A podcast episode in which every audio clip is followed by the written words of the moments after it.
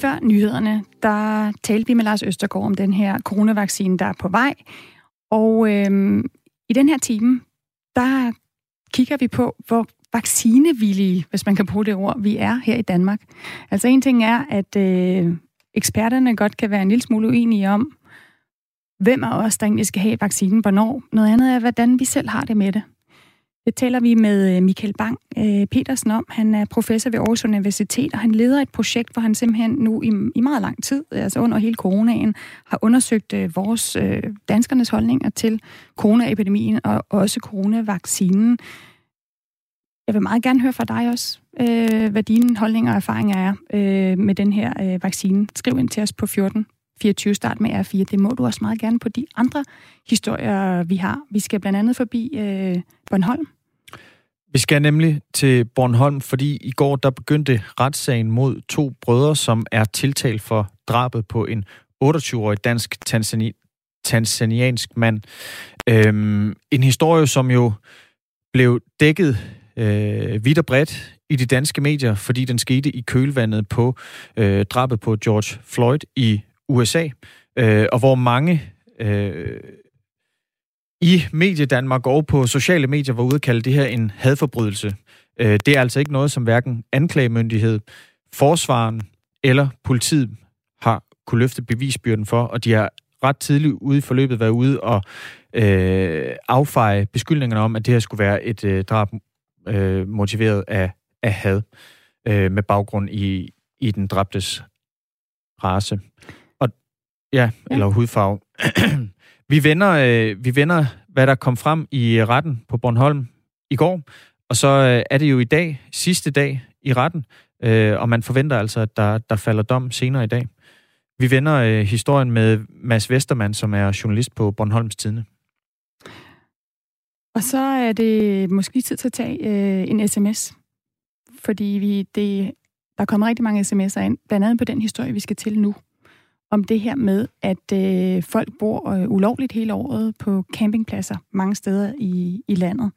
Trine skriver ind til os, hvorfor i alverden kan man ikke bare lade de stakkels fastlæggere blive boende hele året på campingpladsen? Jeg har set alle afsnit af Trailer Park Danmark, og jeg synes, det er helt sort, at de mennesker skal jæges ud af deres hjem. Hvad drejer det sig om på landsbasis? 200 personer måske, højst, højt sat. Mange af dem bliver et problem for kommunen, når hvis de sættes ud. De skal have hjælp til bolig. Det er helt grotesk.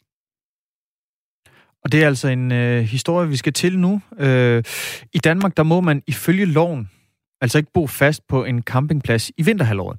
Men det sker alligevel på flere end 100 campingpladser i landet, ifølge en rundspørg, som TV2 har lavet. Og en af dem, det er Esbjerg Camping, hvor fastlægger gennem mange år ulovligt har boet på pladsen hele året. Nu har kommunen så politianmeldt Esbjerg Camping, og det er indehaveren af pladsen, Lars Bendiksen, bestemt ikke tilfreds med. Han bor der nemlig, øh, ifølge ham, så bor der nemlig ikke længere nogen ulovligt på campingpladsen. Lad os lige høre, hvad han sagde tidligere. Der bor ikke nogen, det må det jo ikke. Øhm, og jeg har på ingen tidspunkt uddrømt mig, at, at øh, efter 1. november, at der skulle bo nogen her. Godmorgen, Ole Eriksen. Ja, godmorgen. Du er kontorchef for teknik og miljøforvaltning i Esbjerg, Esbjerg Kommune. Hvorfor har I politianmeldt Lars Bendiksen, altså indhaver af Esbjerg Camping? Når han siger, som han også lige har sagt til os, at der altså ikke bor nogen ulovligt på hans plads? Man kan sige, udgangspunktet er jo, at vi har øh, hvad hedder det, partsøger de her mennesker, der har boet der. Øh, det er jo det, der skal, kan man sige, afklares nu. Det må vi jo partsøgt allerede i oktober måned 2019. Øh, og efterfølgende så påbød vi dem så og, og fraflytte. Men det fik de så altså et helt år til. Ole Eriksen, jeg er ked af lige at afbryde dig, men vi har øh, en dårlig telefonforbindelse. Og lige her til morgen, der har vi kun telefoner at gøre godt med i, i, i radioen. Kan du gå hen til et vindue? Øh, så hjælper det nogle gange. Det, det er IP-telefoni, det. Så. Ja, men det kan også være, at du kan prøve at svinge den lidt over hovedet. Nej, jeg siger, det er IP-telefoni, det her, så der burde ikke være nogen problemer. Ja, det, øh, desværre er der dårlig lyd på. Det er der. Må vi, ved du hvad, øh, må vi ikke prøve lige at, at ringe dig op øh, igen? Jo, meget velkommen. Det prøver vi lige. Det tak for det, Ole Eriksen. Vi høres ved lige om snart. Altså kontorchef for teknik og miljøforvaltning i Esbjerg Kommune, som vi altså taler med, fordi vi tidligere på morgenen talte med Lars Bendiksen, indehaver af Esbjerg Camping, som har fastlæggere, som har registreret, altså folkeregisteradresse på hans campingplads. Det må de ikke. Øhm, men han kan altså ikke finde dem. De her personer, som altså har registreret adresse på hans campingplads, de, er, han kan ikke finde dem. Og derfor så er han nu blevet politianmeldt af kommunen, og det er derfor, vi har prøvet at, og vi prøver nu også at ringe op igen for at få en ordentlig forbindelse på, på Ole Eriksen. Vi talte jo lidt tidligere med Lars Bendiksen, og vi spurgte ham, hvorfor han ikke selv vil politianmelde de folk, han, øh, altså, som har folkeregisteradresse. Og det, øh, det vil han jo ikke helt, øh, Christian Magnus. Og det er, det sådan som jeg forstår ham, så er det jo også fordi, at de mennesker, som bor her, øh, det er jo ikke folk, der er egen fri vilje, tænker. Det er jo super fedt at bo i øh, campingvogn i december og februar måned øh, i Danmark. Øh, det er jo, bo i, kamp, bo i campingvogn, det er jo normalt noget, der er hyggeligst øh, sådan der forår, øh, sommer, sensommer. Øh, så det er altså ofte folk, som, som, øh, som har nogle problemer, eller måske ikke har råd til at altså, bo i mursten, men altså er nødsaget til at bo i campingvogn. Nu har vi Ole Eriksen, øh, kontorchef for Teknik og Miljøforvaltning i Esbjerg Kommune med igen. Er du med, Ole Eriksen? Ja, det er Godmorgen igen. Godmorgen. Meget bedre forbindelse. Ole Eriksen, har I været ude at tjekke, om der bor nogen fast på pladsen? Det har vi ikke nu, nej. Øh, man kan sige, vi har ikke været ude at dyleløftere. Hmm. Hvorfor har I så politianmeldt Lars Bendiksen? Øh, når han siger, at der ikke bor nogen ulovligt på hans plads? Ja, altså den her politianmeldelse, den skete jo her øh, 12. november i år. Øh, på baggrund af de registreringer, der var i øh, folkeregisteret hos vores borgerserviceenhed øh, af øh, tilmeldte i folkeregisteret ved øh, udgangen af oktober måned. Mm. Og det vil sige, at den politianmeldelse, den er så sket øh, kort tid efter skæringsdatoen og nu kan jeg så forstå, at øh, Lars oplyser, at der ikke er nogen af dem, øh, der har boet derude, der længere bor derude. Nu er vi jo lige rykket ind i december, og jeg skal jo ikke kunne sige, om der øh, er, er sket noget på den front i forhold til, at de fysisk er flyttet. Så I, ved, sige, det er, at, I ved ikke med sikkerhed, sige, om der stadig bor folk ulovligt på Esbjerg Camping? Nej, man kan sige, udgangspunktet er jo, at øh, der er nogen, der er tilmeldt, og det er de faktisk stadigvæk. Øh, og det er vores borgerservice i gang med at afklare. Borgerservice har jo i øh, en længere periode, faktisk siden øh, 2019, hvor vi havde et møde i efteråret med øh, Lars Benningsen øh, på Esbjerg Camping, der har de jo været i gang med at snakke med de beboere, som havde lyst til at få hjælp fra vores borgerservice til at finde noget andet at bo i. Men så det er altså pågået et helt år. Ja. Er det Lars Bendiksens skyld, at, at de er tilmeldt adresse der? Nej, altså udgangspunktet er jo, at man skal øh, tilmelde sig den adresse, hvor man bor. Og faktisk også i realiteten øh, skal man tilmelde sig en adresse, selvom den ikke eksisterer. Det kunne være en kælderlejlighed eksempelvis, selvom det i udgangspunktet ikke er lovligt med beboelse i kælder. Så hvad hedder det, det der jo vil ske, hvis der er nogen, der tilmelder sig, det kender I måske også fra, fra andre tilfælde, det er, at borgerservice sender det, man kalder en Luciva-erklæring ud for at høre, bor vedkommende nu også her, hvor de har tilmeldt sig. Det samme ved jeg er sket i de her situationer, hvor der er nogen, der har tilmeldt sig i folke, øh, folkeregisteradresse på Esbjerg Camping. Og øh, der, skal, der bliver Lars Bendiksen bedt om at øh, svare på, om, om de rent faktisk bor der. Det er jo sådan, det er foregået. Øh, og så skal jeg jo så ikke kunne sige, om, der, om, om de virkelig er flyttet eller ej. Og jeg tænker da, at det er noget, vi skal have fulgt op på ved et øh, besøg hos Lars. Om de her mennesker rent faktisk er flyttet. Men er det, så er det så, må jeg bare lige spørge dig, er det Lars Bendiksens ansvar, altså indehaveren af Esbjerg Camping, om de her mennesker har folkeregisteradresse hos ham eller ej? I første omgang er det Lars Bendiksen og Gamlepladsen, der accepterer, at de bor der. Det er den melding, de skal give tilbage til, øh, til vores borgerservice. Øh, så kan man sige, principielt er det jo også borgerens egen øh, forpligtelse og ikke at tilmelde sig en adresse, som man ikke kan bo på hele året. Ja, Lars Bendiksen siger jo, at han simpelthen ikke kan finde de her folk. Øh, han har været ude og lede efter dem, og, og de er der ikke. Så, så hvor ligger hans ansvar, hvis han ikke kan finde dem, som så altså stadigvæk selv har, registreret deres øh, adresse på hans øh, campingplads? Ja, det kan du sige, det er faktisk et rigtig godt spørgsmål. Og det er selvfølgelig også noget, vi vil øh, gå ind i en snak med vores borgerservice om. Hvad kommer så, hvis de her mennesker rent faktisk ikke er på pladsen? Og ikke bor der, og der er ikke nogen synlige tegn på, at de rent faktisk bor der. Det, mm. det, må vi, det må vi vurdere nu. Men der er jo et synligt tegn i form af en campingvogn, kan man sige. Ja, det ved jeg ikke. Der er også nogen, der kan have boet i hytter. De kan have lejet campingvogn. Øhm. Lars Bendiksen, han siger, at han forgæves har henvendt sig til, til jer i kommunen for at fortælle, at der ikke længere bor nogen fast på, på hans øh, campingplads, altså Esbjerg Camping. Hvorfor har I ikke undersøgt, om, om den eller, eller de, der har folkeregisteradresse på Esbjerg Camping, om de rent faktisk bor der fast, inden I, I politianmelder Lars Bendiksen, altså indehaveren af pladsen? Det jeg kan sige, det er, at øh, der er nogle mennesker, der har øh, flyttet, eller, eller meldt flytning til vores borgerservice. Og borgerservice har sådan en forpligtelse til at afklare, om, om det er en reel flytning, eller om det er en proforma flytning. Øh, og det ved jeg, de har været i gang med øh, i forhold til øh, nogle af de mennesker, der har øh, haft adresse derude. Øh, og så skal, så skal borgerservice jo øh, tage stilling til, om de mener, det er en reel flytning. Og hvis ikke det er det, så kan de ikke flytte dem fra det sted der. Nej, og hvorfor, så, hvorfor sige, er det så Lars Bendiksens problem, hvis der er nogen, der ikke vil flytte deres folkeregisteradresse fra hans campingplads? Fordi udgangspunktet er, at i øh, campingpladsens udlejningstilladelse, der står der, at der ikke må være helårsbeboelse. Og øh, det vil sige, at det ansvar, det, det falder så også tilbage til den, der driver campingpladsen, at der ikke må være nogen tilmeldt der, fordi de i første omgang er blevet accepteret som tilmeldte der af campingpladsen. Og så kan man sige, som jeg også nævnte lidt tidligt, så har vi jo en ny situation nu, hvis det virkelig er sådan, at der ikke bor nogen der af dem, der har været tilmeldt der. Ole Eriksen, hvad er det dårlige ved, at der bor folk hen over vinteren på en campingplads?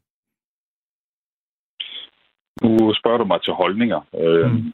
Det kan jeg jo godt have som privatperson, men jeg er jo mm. ikke politiker. Nej. Øh, og jeg vil sige, vi følger jo øh, den lovgivning, man beslutter skal være. Hvis, hvis man ændrer den, så vil vi selvfølgelig også agere ud fra det. Så det er ikke nogen holdning til, til den lov her? Du følger den bare blindt? Ja, altså nu siger du bare og, og blindt. Øhm, ja. Efter der havde været en udsendelsesrække, der hed Trailer Park Danmark øh, mm. i sidste omgang, så fik vi jo en, en venlig henvendelse fra Ankestyrelsen, som overvejede at indlede en, en tilsynssag mod os, hvis det var sådan, at de øh, fandt ud af, at vi ikke, øh, kan man sige, håndhævede den her lovgivning rigtigt. Det er jo det, vi er op imod. Øh, vi er jo forpligtet til at, at håndhæve lovgivningen. Mm. Mm. Så enkelt kan det skæres ud, så det handler ikke om bare og, og det med bare at følge nogle regler. Mm. Nu er Lars Bendiksen jo så også involveret i det her med at håndhæve loven, fordi han skal jo gå ud og, og prøve at finde de her folk og sige, at de skal, skal afmelde melde sig. Det siger han, han, han ikke kan. Han kan ikke finde dem. Hvad skal han gøre? Altså, og, og får han straffen i at politielement ham? Får han en straf, hvis han ikke kan finde dem? Øh, ja, altså vi er jo nødt til at få en afklaring af, hvordan gør vi så. Som jeg nævnte lidt tidligere, så er det jo en ny situation, vi har. Hvis tilfældet er, at de øh, er tilmeldt øh, på campingpladsen, men ikke findes der, så kan man sige, så har vi lidt et fælles problem, som vi få, må få en afklaring på. Og jeg vil foreslå, at, øh, at vi øh, tager en snak på Lars øh, på pladsen. Både også her øh, fra Teknik og Miljø og, og Borgerservice. Oh, Ole Eriksen, tabte vi dig nu? Ja, jeg er stadigvæk. Du er der stadigvæk. Okay, så det næste, I kommer til at gøre fra Esbjerg Kommune, det er simpelthen at prøve at tage en snak med, med Lars Bendiksen og med Borgerservice. Og hvor står hans politianmeldelse så? Det skal vi jo have fundet en afklaring på. Øh, bor folk rent faktisk stadigvæk derude, eller gør de ikke? Altså, hvis der ikke er baggrund for at opretholde en politianmeldelse, så gør vi selvfølgelig ikke det. Det er der jo ikke øh, grundlag for så. Ole Eriksen, kontorchef for Teknik og Miljøforvaltning i Esbjerg Kommune. Tak fordi du var med øh, til at ja, prøve at, at finde hoved og hale i, hvad søren man gør ved det her problem, øh, som jo nu også er, er Lars Bendiksens øh, problem, fordi han er blevet politielmeldt. Altså fordi, at øh, der er nogen, der har tilmeldt folkeregisteradressen hos, øh, hos, i hans campingplads. Det må de ikke. Og, øh, og han siger jo så, at han ikke kan finde den. Hvornår vil I holde møde med ham? Jamen, jeg tænker da, at øh, allerede i dag vil jeg prøve at kontakte Lars øh, for at få sat en aftale i stand. Det skal vi få en afklaring på øh, så hurtigt, som det kan lade sig gøre det her. Det lyder godt. Ole Eriksen, tak for at være med her på Radio 4 Jamen, morgen. tak fordi jeg måtte. Selv Godmorgen. tak. God morgen. To Bornholmske brødre, de sidder på anklagebænken tiltalt for drabet på en 28-årig dansk-tanzaniansk øh, mand. Den 28-årige mand, han øh, døde i slutningen af juni, efter at være blevet tæsket ihjel i Nordskoven på Bornholm. Godmorgen, Mads Vestermann. Godmorgen. Du er journalist på Bornholms Tidene, og du har fulgt den her sag tæt, øh, og sad også hele dagen i går i, i retssalen og fulgt med. Hvordan, øh, hvordan forholdt de to tiltalte mænd sig til anklagen om drab? Jamen, øh, de nægtede sig begge to skyldige i drab, øh, men erkendte vold med døden selvfølgelig. Det vil sige, at de erkendte, at det var dem, som øh, havde, havde udøvet den vold mod, øh, mod offeret, som gjorde, at han endte med at afgå på døden. Okay. Hvad var deres øh, forklaring på, at de gjorde, som de gjorde? Ja, forklaringen var, at, øh, at øh, offeret Philip Budi Johansen til synlædende, øh, ifølge brødrens forklaring, havde, øh, havde været seksuelt grænseoverskridende over for deres mor ved flere lejligheder. Øh, og så ville de give ham en lærestreg, øh, så han ikke gjorde det igen. Øh, og øh, de havde inden, ifølge deres egen forklaring, øh, de mødtes med ham på gerningsstedet, øh, havde de aftalt, at de kun måtte slå med knytnæve og ikke måtte sparke og stampe, men øh, det var de til synligheden ikke i stand til at holde, så derfor endte det med, med så rå vold, som, som det rent faktisk er tilfældet. Okay. Der var jo også indkaldt en, en række vidner til, til retsmødet i går. Hvad, øh, hvad kunne de bidrage med? Jamen, øh, der var to vidner, der var indkaldt. Den ene var en øh, veninde til, til den dræbte, og, øh, og den ældste af de to tiltalte brødre. Øh, og hun blev kun øh, afhørt ganske kort af, af anklageren, øh, og den var, jeg siger, den afhøring var primært for at kaste lys over relationen mellem brødrene og den dræbte, og så for at få afmonteret de spekulationer, der har været om et racistisk motiv. Den her 28-årige mand, han blev udsat for kvælning og torturlignende vold, inden han altså endte med at dø natten til den 23. juni i, i sommers. Og der er rejst tiltale for drab efter straffelovens paragraf 237, altså den almindelige drabsparagraf. Man plejer at sige, at et almindeligt drab koster 12 års fængsel. I det her tilfælde, der er drabet og volden så særdeles skrov, ligesom øh, volden er udført af, af to personer i, i forening. Og dømmes brødrene for drab, så kan der så tillægges flere skærpende omstændigheder. Strafpåstanden kan blive højere end, øh, end de her 12 år, som der er normalt for et såkaldt almindeligt drab. Men i midlertid så nægter brødrene jo altså drabet og, og har kun tilstået vold med døden til følge, og dømmes de i stedet for det, så kan straffen blive væsentligt lavere. Og nu nævnte du også, øh, Mads Vestermann, at der var indkaldt vidner, som kunne fortælle lidt om den relation, der var mellem de to øh, formodede, eller mellem de to gerningsmænd, kan vi godt kalde dem. De har jo tilstået drab med døden til følge, eller, eller vold med døden til følge. Men, men hvad var den interne relation mellem øh, de to brødre og så den, den dræbte? Øh, den ældste bror og den dræbte øh, var til synligheden meget gode venner og så hinanden øh, meget ofte, når den dræbte var på Bornholm.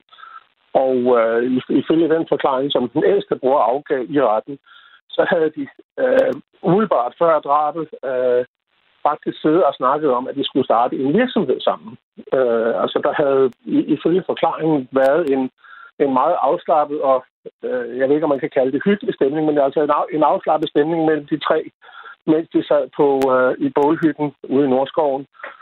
Og øh, da de på et tidspunkt løber tør for alkohol, altså de, de har simpelthen drukket de bare, de har haft med, så kører de i fællesskab ind på en tankstation i Rønne, hvor de, øh, hvor de henter øl og vodka og Red Bull, og så kører de tilbage igen til bålhytten og drikker videre. Og det er faktisk først der, volden starter. Der er jo af, flere omgange været beskyldninger om, at det her drab det skulle øh, være racistisk motiveret. Hvordan har de tiltalt at forholde sig til det? Uh, altså, det er i princippet kun den yngste bror, der har forholdt sig til det, og så har han sagt, at det, det har ikke noget med det at gøre. Altså, han nægtede første omgang i retten, at at han havde haft et knæ på halsen af, af den yngste bror, eller af, af den dræbte, øh, og sagde, at det havde været på brystkassen, men, men man fik sådan en langsom krabbe sig ind på, jamen det kunne måske også godt være, at det havde været på halsen, men det havde ikke noget med drabet på George Floyd at gøre, og han var i tvivl om, hvorvidt det var noget, han først havde hørt om, efter han var blevet anholdt, og efter drabet på, øh, på Philip Mutyre Hansen. Hmm. Retssagen den bliver jo altså genoptaget igen øh, klokken 9, altså om, om godt en halv time, hvor, øh, hvor det ventes, at, at retssagen skal afsluttes, altså den, den, øh, den afsluttes senere i dag. Hvad forventer man, der kommer til at ske? Jamen, øh, der er en, en helt fast procedure. Altså, nævningen og de juridiske dommer har voteret nu om skyldspørgsmålet, og de skal så tage stilling til, hvad det er, de to brødre skal dømmes for, og om de skal dømmes.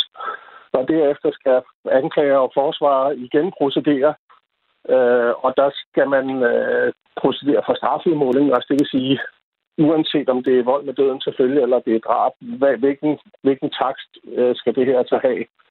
Øh, og så vil der igen blive afsagt dom senere på dagen i dag.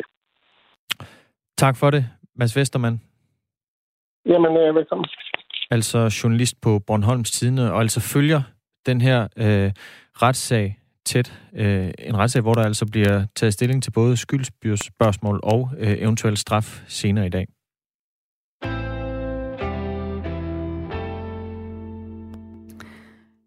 De seneste mange måneder på Radio 4, der har vi prøvet at få fat i Europaparlamentariker Asger Christensen fra Venstre.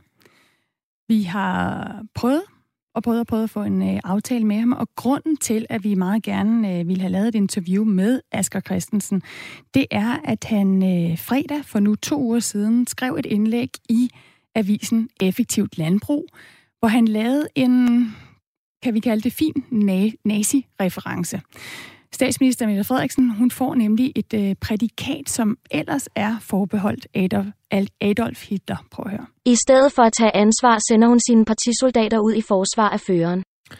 Det her det er altså en oplæsning af øh, det indlæg, øh, som øh, Asger Christensen havde i avisen Effektivt Landbrug. I indlægget øh, med den her overskrift, Magt Mette slagter minkbranchen med amatør, amatørisme, der harcelerer Asger Christensen over statsministerens håndtering af Mink-sagen, som han kalder udemokratisk. Han kalder den også dybt alvorlige beslutninger uden fagligt øh, grundlag, eller det er sådan, han beskriver den.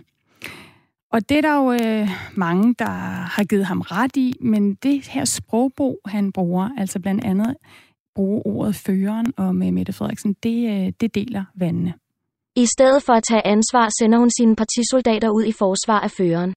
Og grunden til, at vi spiller det her klip, det er jo fordi, at Effektivt Landbrug, altså det her magasin, hvor Asger Christensen han fik trygt sit debatindlæg, de har altså været inde og ændre i det senere, så nu står der ikke længere føreren, men det er blevet ændret til, til hende.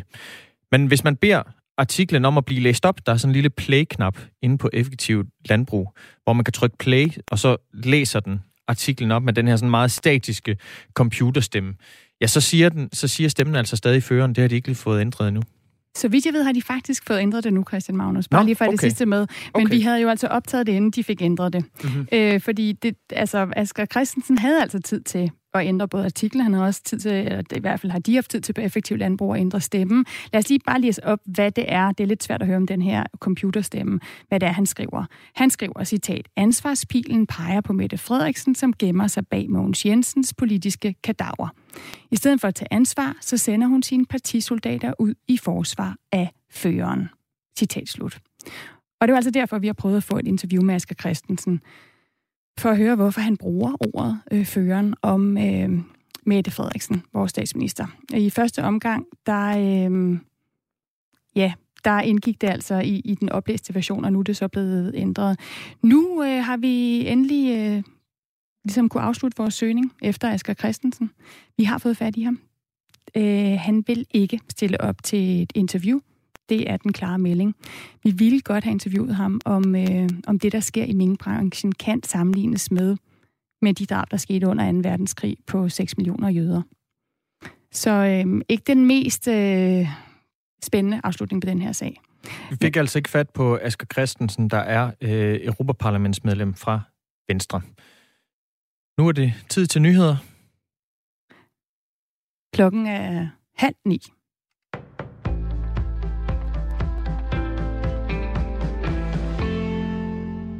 Risikoen for at dø af en alvorlig coronavirusinfektion er markant lavere nu, end da epidemien først begyndte i foråret. Det skriver politikken, som refererer nye opgørelser fra både Hvidovre Hospital og Aarhus Universitetshospital. Hvidovre Hospital er det hospital, der har haft flest personer indlagt med coronavirus. Her døde 26 procent af de 265 indlagte coronapatienter, der var indlagt fra marts til maj, og som var så dårlige af lungebetændelse, at de havde brug for hjælp til at ilte blodet. Siden er dødeligheden faldet med næsten 70 procent, og fra sommeren er 8,5 procent af 85 indlagte patienter på hospitalet i Hvidovre døde. Det store fald er kommet bag på Thomas Benfield, der er professor og overlæge i infektionssygdomme på Hvidovre Hospital, og som står bag analysen. Vi havde alle en formodning om, at færre dør af sygdommen nu end i foråret, men at dødeligheden skulle vise sig at være reduceret så meget, som den er, det kom virkelig bag på os, siger han til politikken. Også på Aarhus Universitetshospital er der færre, som dør med corona end i foråret. 9,3 procent af alle indlagte med coronavirus døde på hospitalet i foråret. I efteråret er 4,1 procent af de indlagte døde. FN har sendt en appel ud om støtte på knap 218 milliarder kroner. Behovet for nødhjælp er større end før på grund af coronapandemien, som har ramt mange millioner mennesker hårdt, lyder det fra verdensorganisationen. Samtidig står flere områder af verden potentielt over for hungersnød. Appellen er sendt ud på baggrund af et årligt overblik over behovet for humanitær nødhjælp. FN anslår, at omkring 235 millioner mennesker vil få brug for en eller anden form for nødhjælp næste år, og det er en stigning på 40 procent i forhold til sidste år. Stigningen skyldes næsten udelukkende covid-19, siger FN's nødhjælpskoordinator Mark Lavkok ved et pressemøde. Rapporten anslår, at en ud af 33 mennesker i hele verden vil få behov for nødhjælp. Rekordmange børnefamilier har i år søgt om julehjælp hos Dansk Folkehjælp. Det oplyser organisationen, der er Danmarks største uddeler i en meddelelse.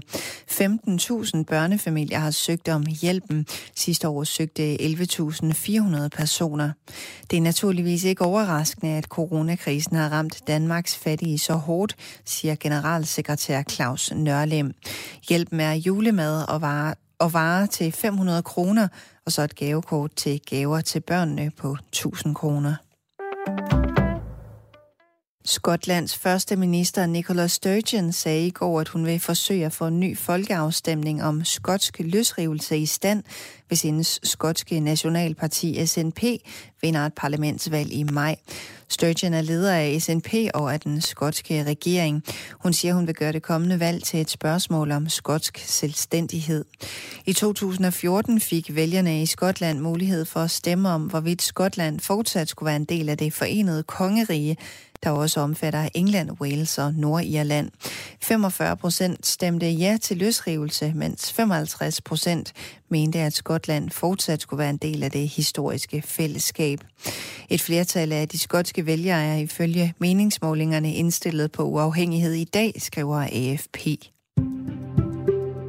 I dag får vi skydevejr vejr med lidt regn, hist og her og temperatur mellem 4 og 7 grader. Det var nyhederne på Radio 4 med Sine Ribergaard Rasmussen.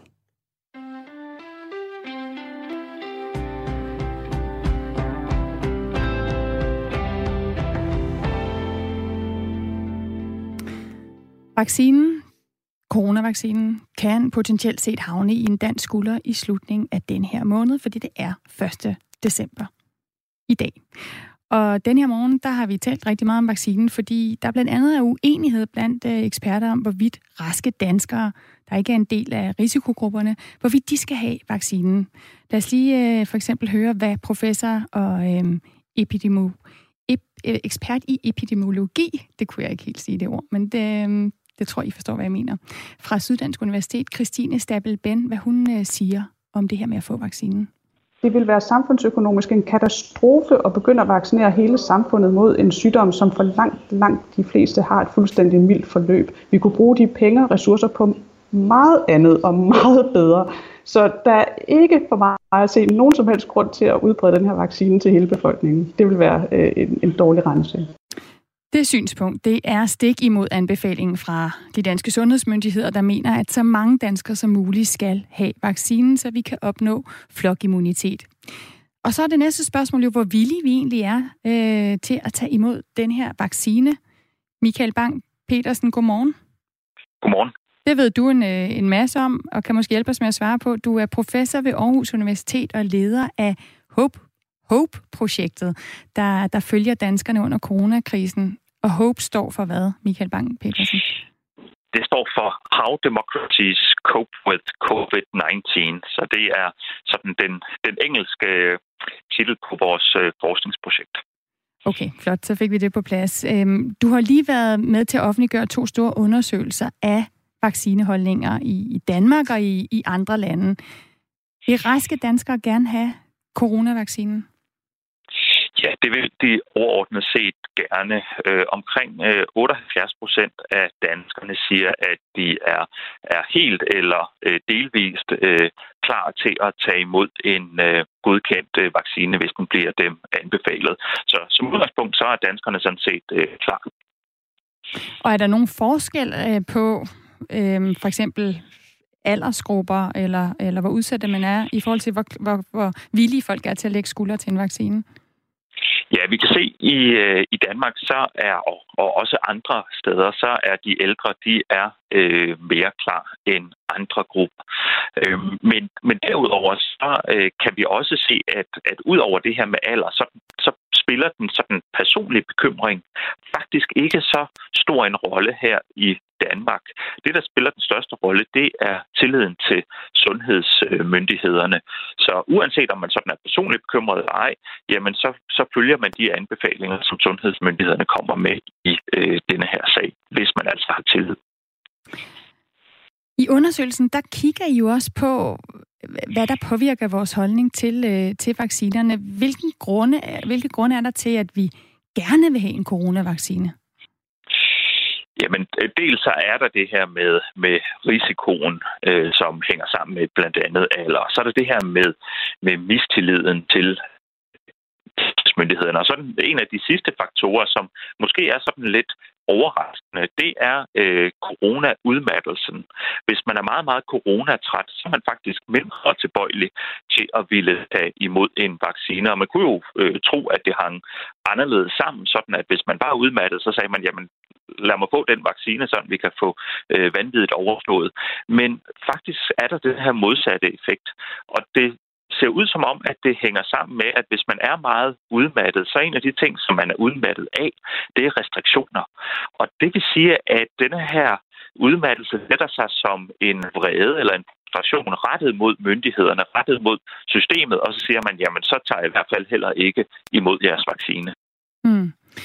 Vi taler altså med Michael Bang Petersen, som er professor i statskundskab på Aarhus Universitet, og er med i et projekt, der undersøger og følger øh, os danskere, vores, øh, vores holdninger øh, til, øh, både her under coronakrisen og også til øh, coronavaccinen. Øh, der er en, der har skrevet ind til os, Michael Bang Petersen. Godmorgen, jeg er 32 år, og jeg synes ikke, jeg har behov for at blive vaccineret mod covid-19. Men jeg tænker, jeg bliver nødt til det, hvis man eksempelvis gerne vil ud og rejse og skal flyve. Så skal man sikkert have et covid-19-pas. Altså et, et, et eksempel på en person, som, hvor det måske ikke er sådan samfunds... Øh, sindet, der, der vægter højest, øh, men det her med, at man er træt af restriktionerne og gerne vil tilbage til sit øh, normale liv. Ja, og det, det tænker jeg kommer til at, at spille en, en rolle, fordi lige nu så øh, ved folk jo ikke helt rigtigt, hvad det er, de siger ja eller nej til, både i forhold til selve vaccinen, altså hvor effektiv er den, hvor sikker er den, osv., men også i forhold til, jamen, hvad, hvordan sker den her udrulning? Er det netop sådan, at man ved at blive vaccineret, jamen så kan man komme ud og rejse, man kan måske komme til festival og den slags ting. Så, så der er en masse øh, ubekendte faktorer øh, endnu. Står vi anderledes i Danmark? Du, den her undersøgelse, den kigger også på andre lande. Har, er vi øh, så mere villige i Danmark til at tage vaccinen, end, end de lande, I har sammenlignet med? Ja, det må man øh, sige. Altså, vi har kigget på, på otte forskellige vestlige lande, blandt andet øh, Tyskland og Sverige og USA, øh, og også øh, nogle østeuropæiske lande, såsom Ungarn. Og det vi kan se, det er, at, at Danmark topper altså listen øh, over vaccinevillighed øh, i vores øh, undersøgelse. Øh, Frankrig, der er kun 52 procent, som øh, siger, at de er villige til at lade sig vaccinere, og i Ungarn så er det 45 procent. Og når vi skal forstå de her landeforskelle, så ser det ud som om, at det her med tilliden til sundhedsmyndighederne igen spiller den mest afgørende rolle, at der er simpelthen en meget, meget tæt relation med, mellem, hvor sådan tillidsfulde den øh, befolkning overordnet set er i et land, øh, og så øh, vaccinevilligheden. Nogle af dem, vi jo ved i Danmark, der står forrest i køen, vi fik jo den her udrulning af vaccineplanen i, i sidste uge, det er sundhedspersonale, det er øh, medarbejdere, der er i det, der hedder frontlinjen, altså for eksempel på plejehjem øh, og, og hospitaler, der behandler coronapatienter. Ved vi noget om, hvor villige folk, der er i den her altså frontlinjepersonale, hvor villige de er til at få coronavaccinen? Man kan sige, det er ikke noget, som vores øh, forskning direkte har kigget på ind, indtil videre. Det er noget af det, som vi kommer til at grave lidt mere ind i. Men kan, man kan sige, at ud, som udgangspunkt må man jo tro, at dem, der rent faktisk er en del af sundhedssystemet, også har en relativt stor tillid til det selv samme øh, system. Så at hvis der kommer en godkendt vaccine, og de bliver anbefalet den, at de så også vil takke ja. Det vil jeg forvente. Michael Bang, øh, er der noget, du er overrasket over i, øh, i, i den her undersøgelse, de, de, de sidste ting, I har offentliggjort om selve holdningen til coronavaccinen? Er der noget, der har overrasket dig der? Jamen, en af de ting, som har overrasket mig, det var det her, som vi talte om tidligere med, at coronatrætheden ikke medfører, at man bliver øh, mere villig til at lade sig vaccinere, men det modsatte. Det, det tænker jeg, det er nok det mest overraskende i den her undersøgelse så sidder der nok noget sundhedspersonale og er glad for, at øh, der er en vaccine, der er kommet øh, tidligere, end mange har tur håbe på. Øh, så den her øh, coronatræthed ikke bliver, bliver værre. Michael Bang-Petersen er altså professor i statskundskab på Aarhus Universitet og leder af det her projekt, HOPE-projektet, øh, der følger danskerne under coronakrisen. Tak for at være med. Velkommen.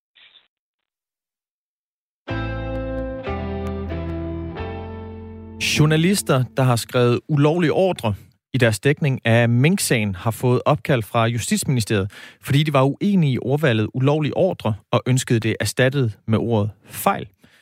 Det har fået en række borgerlige politikere til at reagere, blandt andet Pia Kærsgaard, som vil stille spørgsmål om sagen til statsministeren og kræve samråd i udvalget for forretningsorden.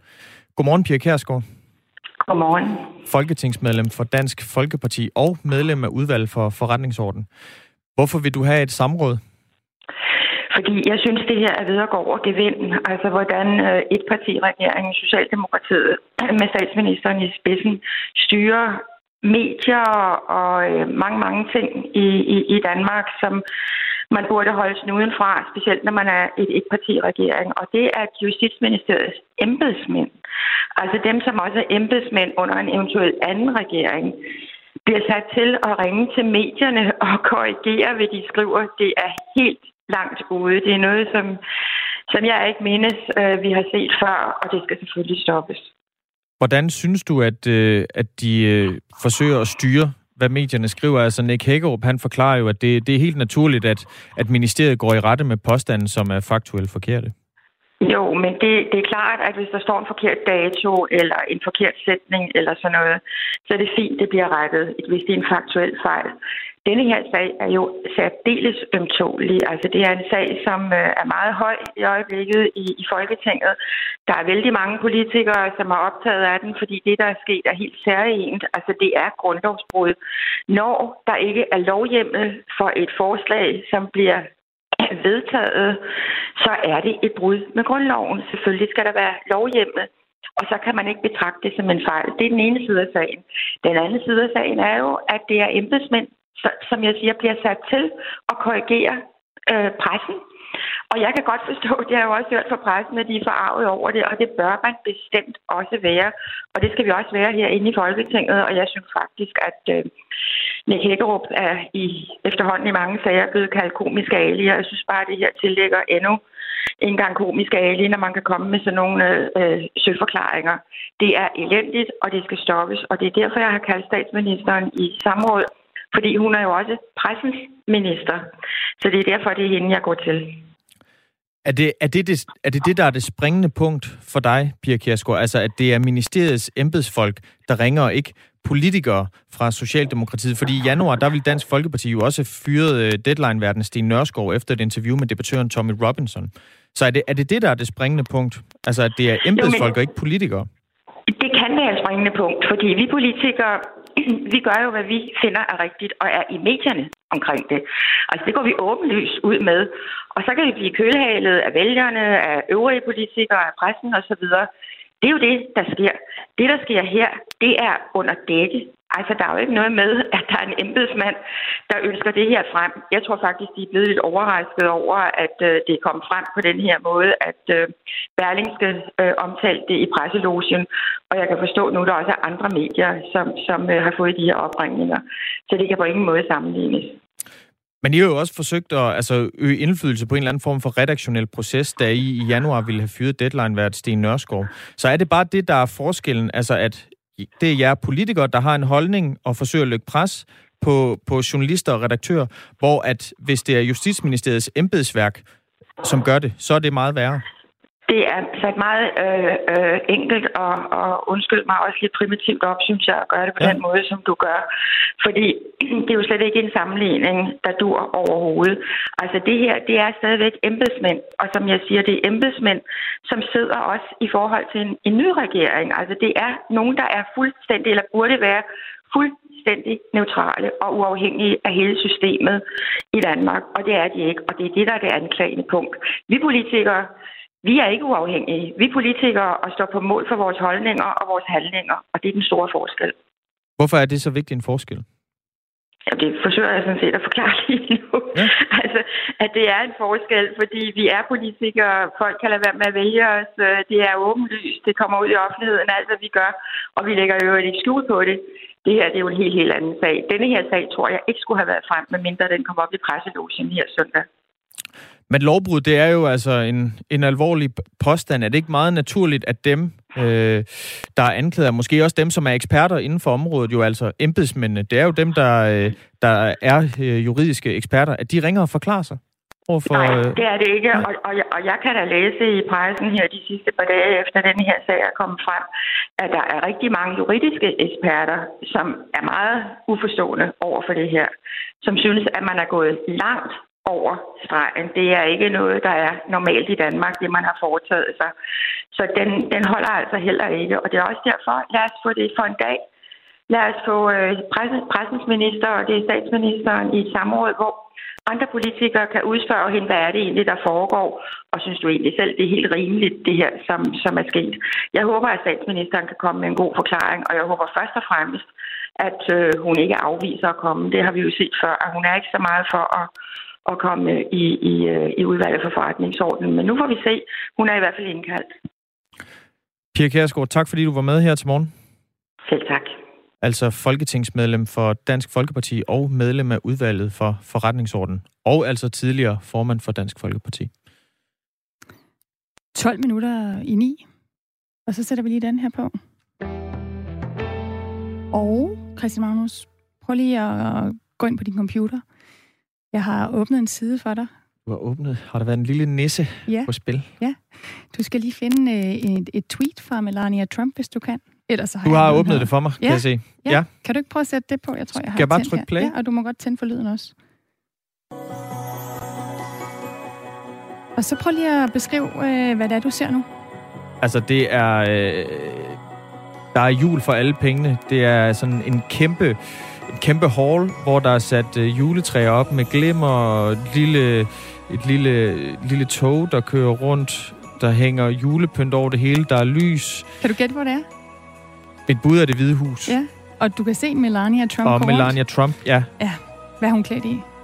Ja, nu, nu kan jeg ikke lige uh, se hende. Hun er lidt forsvundet ud af billedet. Okay. Flotte julekugler. Ja, en julekugle, der, Hun har en lang står... sort nederdel på, og så en sølv ja.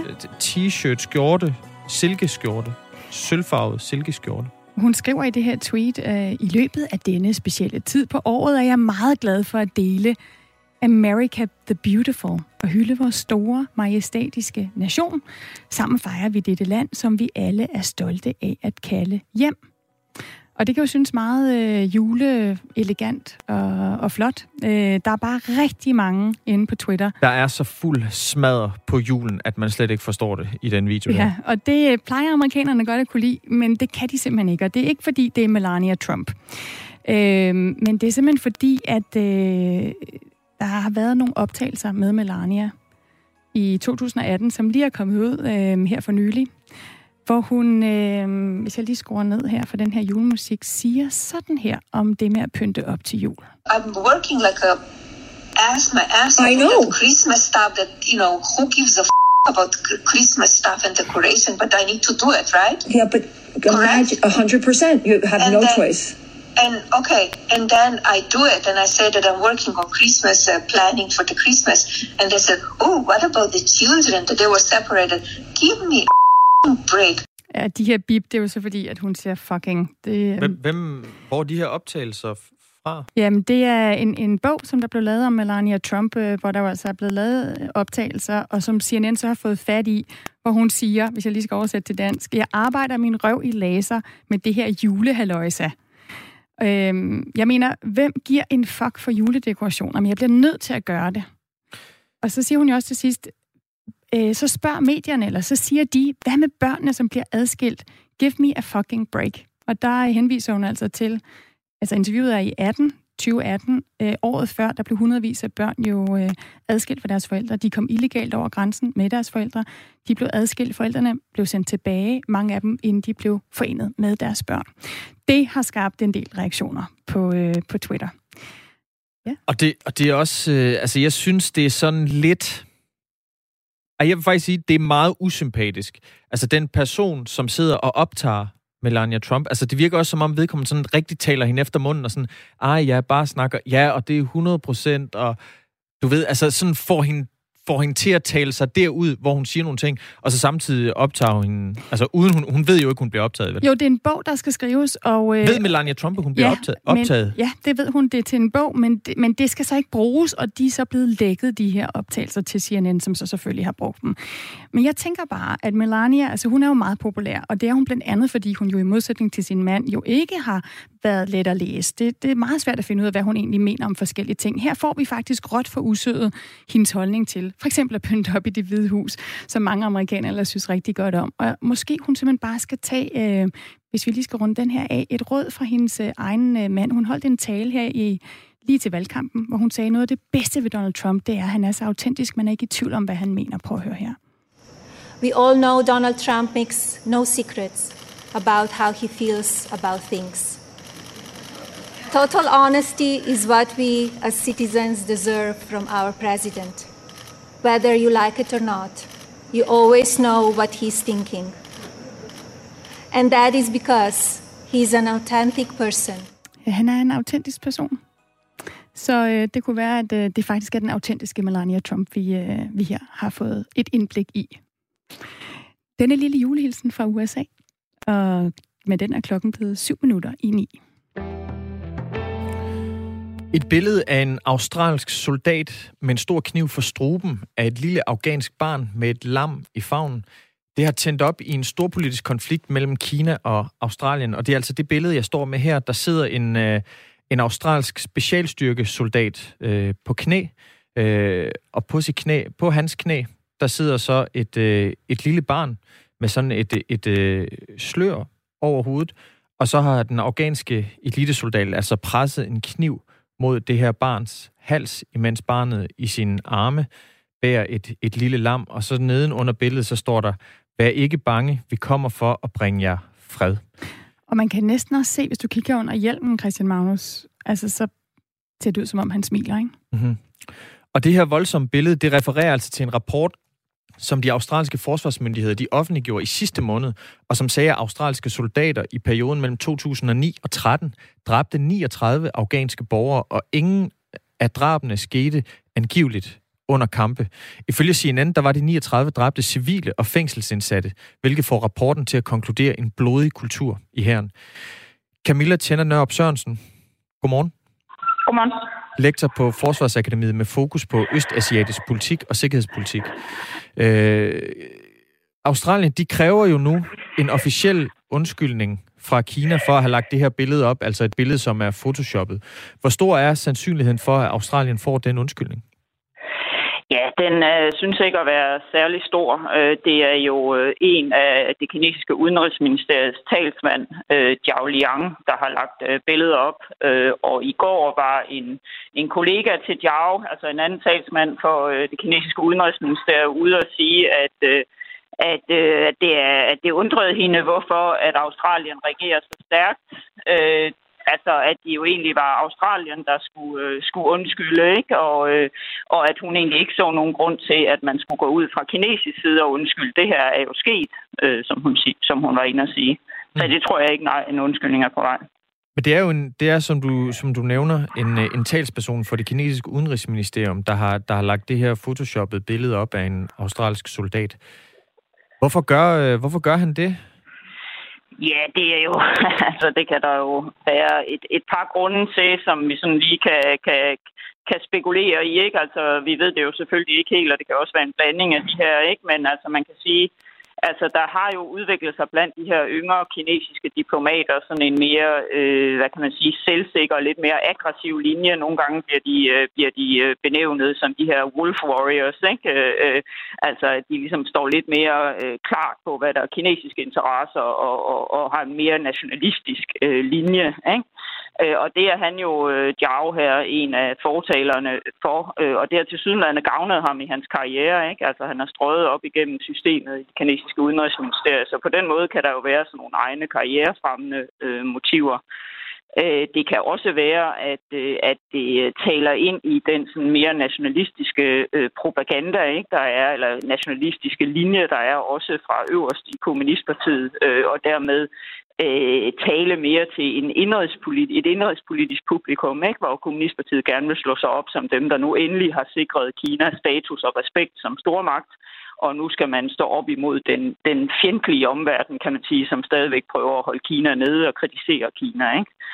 Øh, så, øh, altså, så helt hvad der er, er, er linjen, ikke? Øh, øh, det kan også simpelthen skyldes en oprigtig vrede og frustration hos nogle af de her yngre kinesiske diplomater over, at de hele tiden skal stå og høre på Vesten, der kritiserer Kina for overtrædelse af menneskerettigheder, ikke? Og, øh, og, og andre kritikpunkter, og så kommer der sådan nogle sager som den her i Australien, der jo viser, at de heller ikke har så meget selv øh, og, og lade andre høre for. Nej, de måske i virkeligheden også lidt selv bor i et, et glashus. Øhm, hvad er det for et forhold, der er mellem Kina og Australien? Øh, altså, eller kommer det her bare ud af det blå? Nej, det gør det bestemt ikke. Altså, øh, Kina-Australien-forholdet har været, altså, er blevet forværret over de seneste, over de seneste års tid. Øh, øh, og der er der sådan forskellige, også igen forskellige, øh, hvad kan man sige, drivkræfter eller årsager til. Øhm, altså, øh, Australien har været, den australske regering har været førende øh, i, i de opfordringer, der har været til, at der skal være en uafhængig international undersøgelse af, af covid-19, ikke? Altså, og hvordan det er opstået, og hvordan det udviklede sig der i den første fase. Øh, og det er kineserne jo ikke ret meget, altså ikke interesseret i. De har jo ligesom deres version af, øh, hvad der er sket, ikke? Og, øh, og, øh, og har jo afvist alle andre spekulationer om, at det kunne være fremstillet i et laboratorium og så videre og så videre. Ikke? Øh, så det ønsker de, de bestemt ikke at se. Så har Australien, den australske regering øh, og forskellige andre australske NGO-grupper og sådan noget været meget øh, øh, fremme i forhold til kritikken af, af menneskerettigheder i Kina, særligt i forhold til Xinjiang øh, og Tibet. Øhm, og så er Australien også øh, en tæt amerikansk allieret, ikke? og der sker et styrket samarbejde øh, i de her øh, ja i de her år øh, mellem Australien, USA, Indien, Japan, det man nogle gange kalder den her kort-konstellation i forhold til, og den ser kineserne jo altså i et styrket militært samarbejde ikke, i regionen, og det ser kineserne jo som vendt mod Kina, ikke, og som forsøg på at, at inddæmme, holde Kina nede. Øh, så der er forskellige, sådan, øh, der er også, der er også i forhold til australsk indrigspolitik, er der også været forskellige sager, der har vist øh, øh, kinesisk forsøg på at ja, at påvirke øh, mm. øh, og blande sig ikke i australsk indrigspolitik, og det er også ligesom blevet rullet op, kan man sige, for, for åben skærm, ikke? og det har kineserne også været, øh, været meget utilfredse med, og synes, at det er urimelige anklager. Ikke? Øh, så. Camilla Tænder Nørup Sørensen, tak fordi du var med. Det var slet. Altså lektor på Forsvarsakademiet med fokus på østasiatisk politik og sikkerhedspolitik. Nu kommer Signe Ribergaard Rasmussen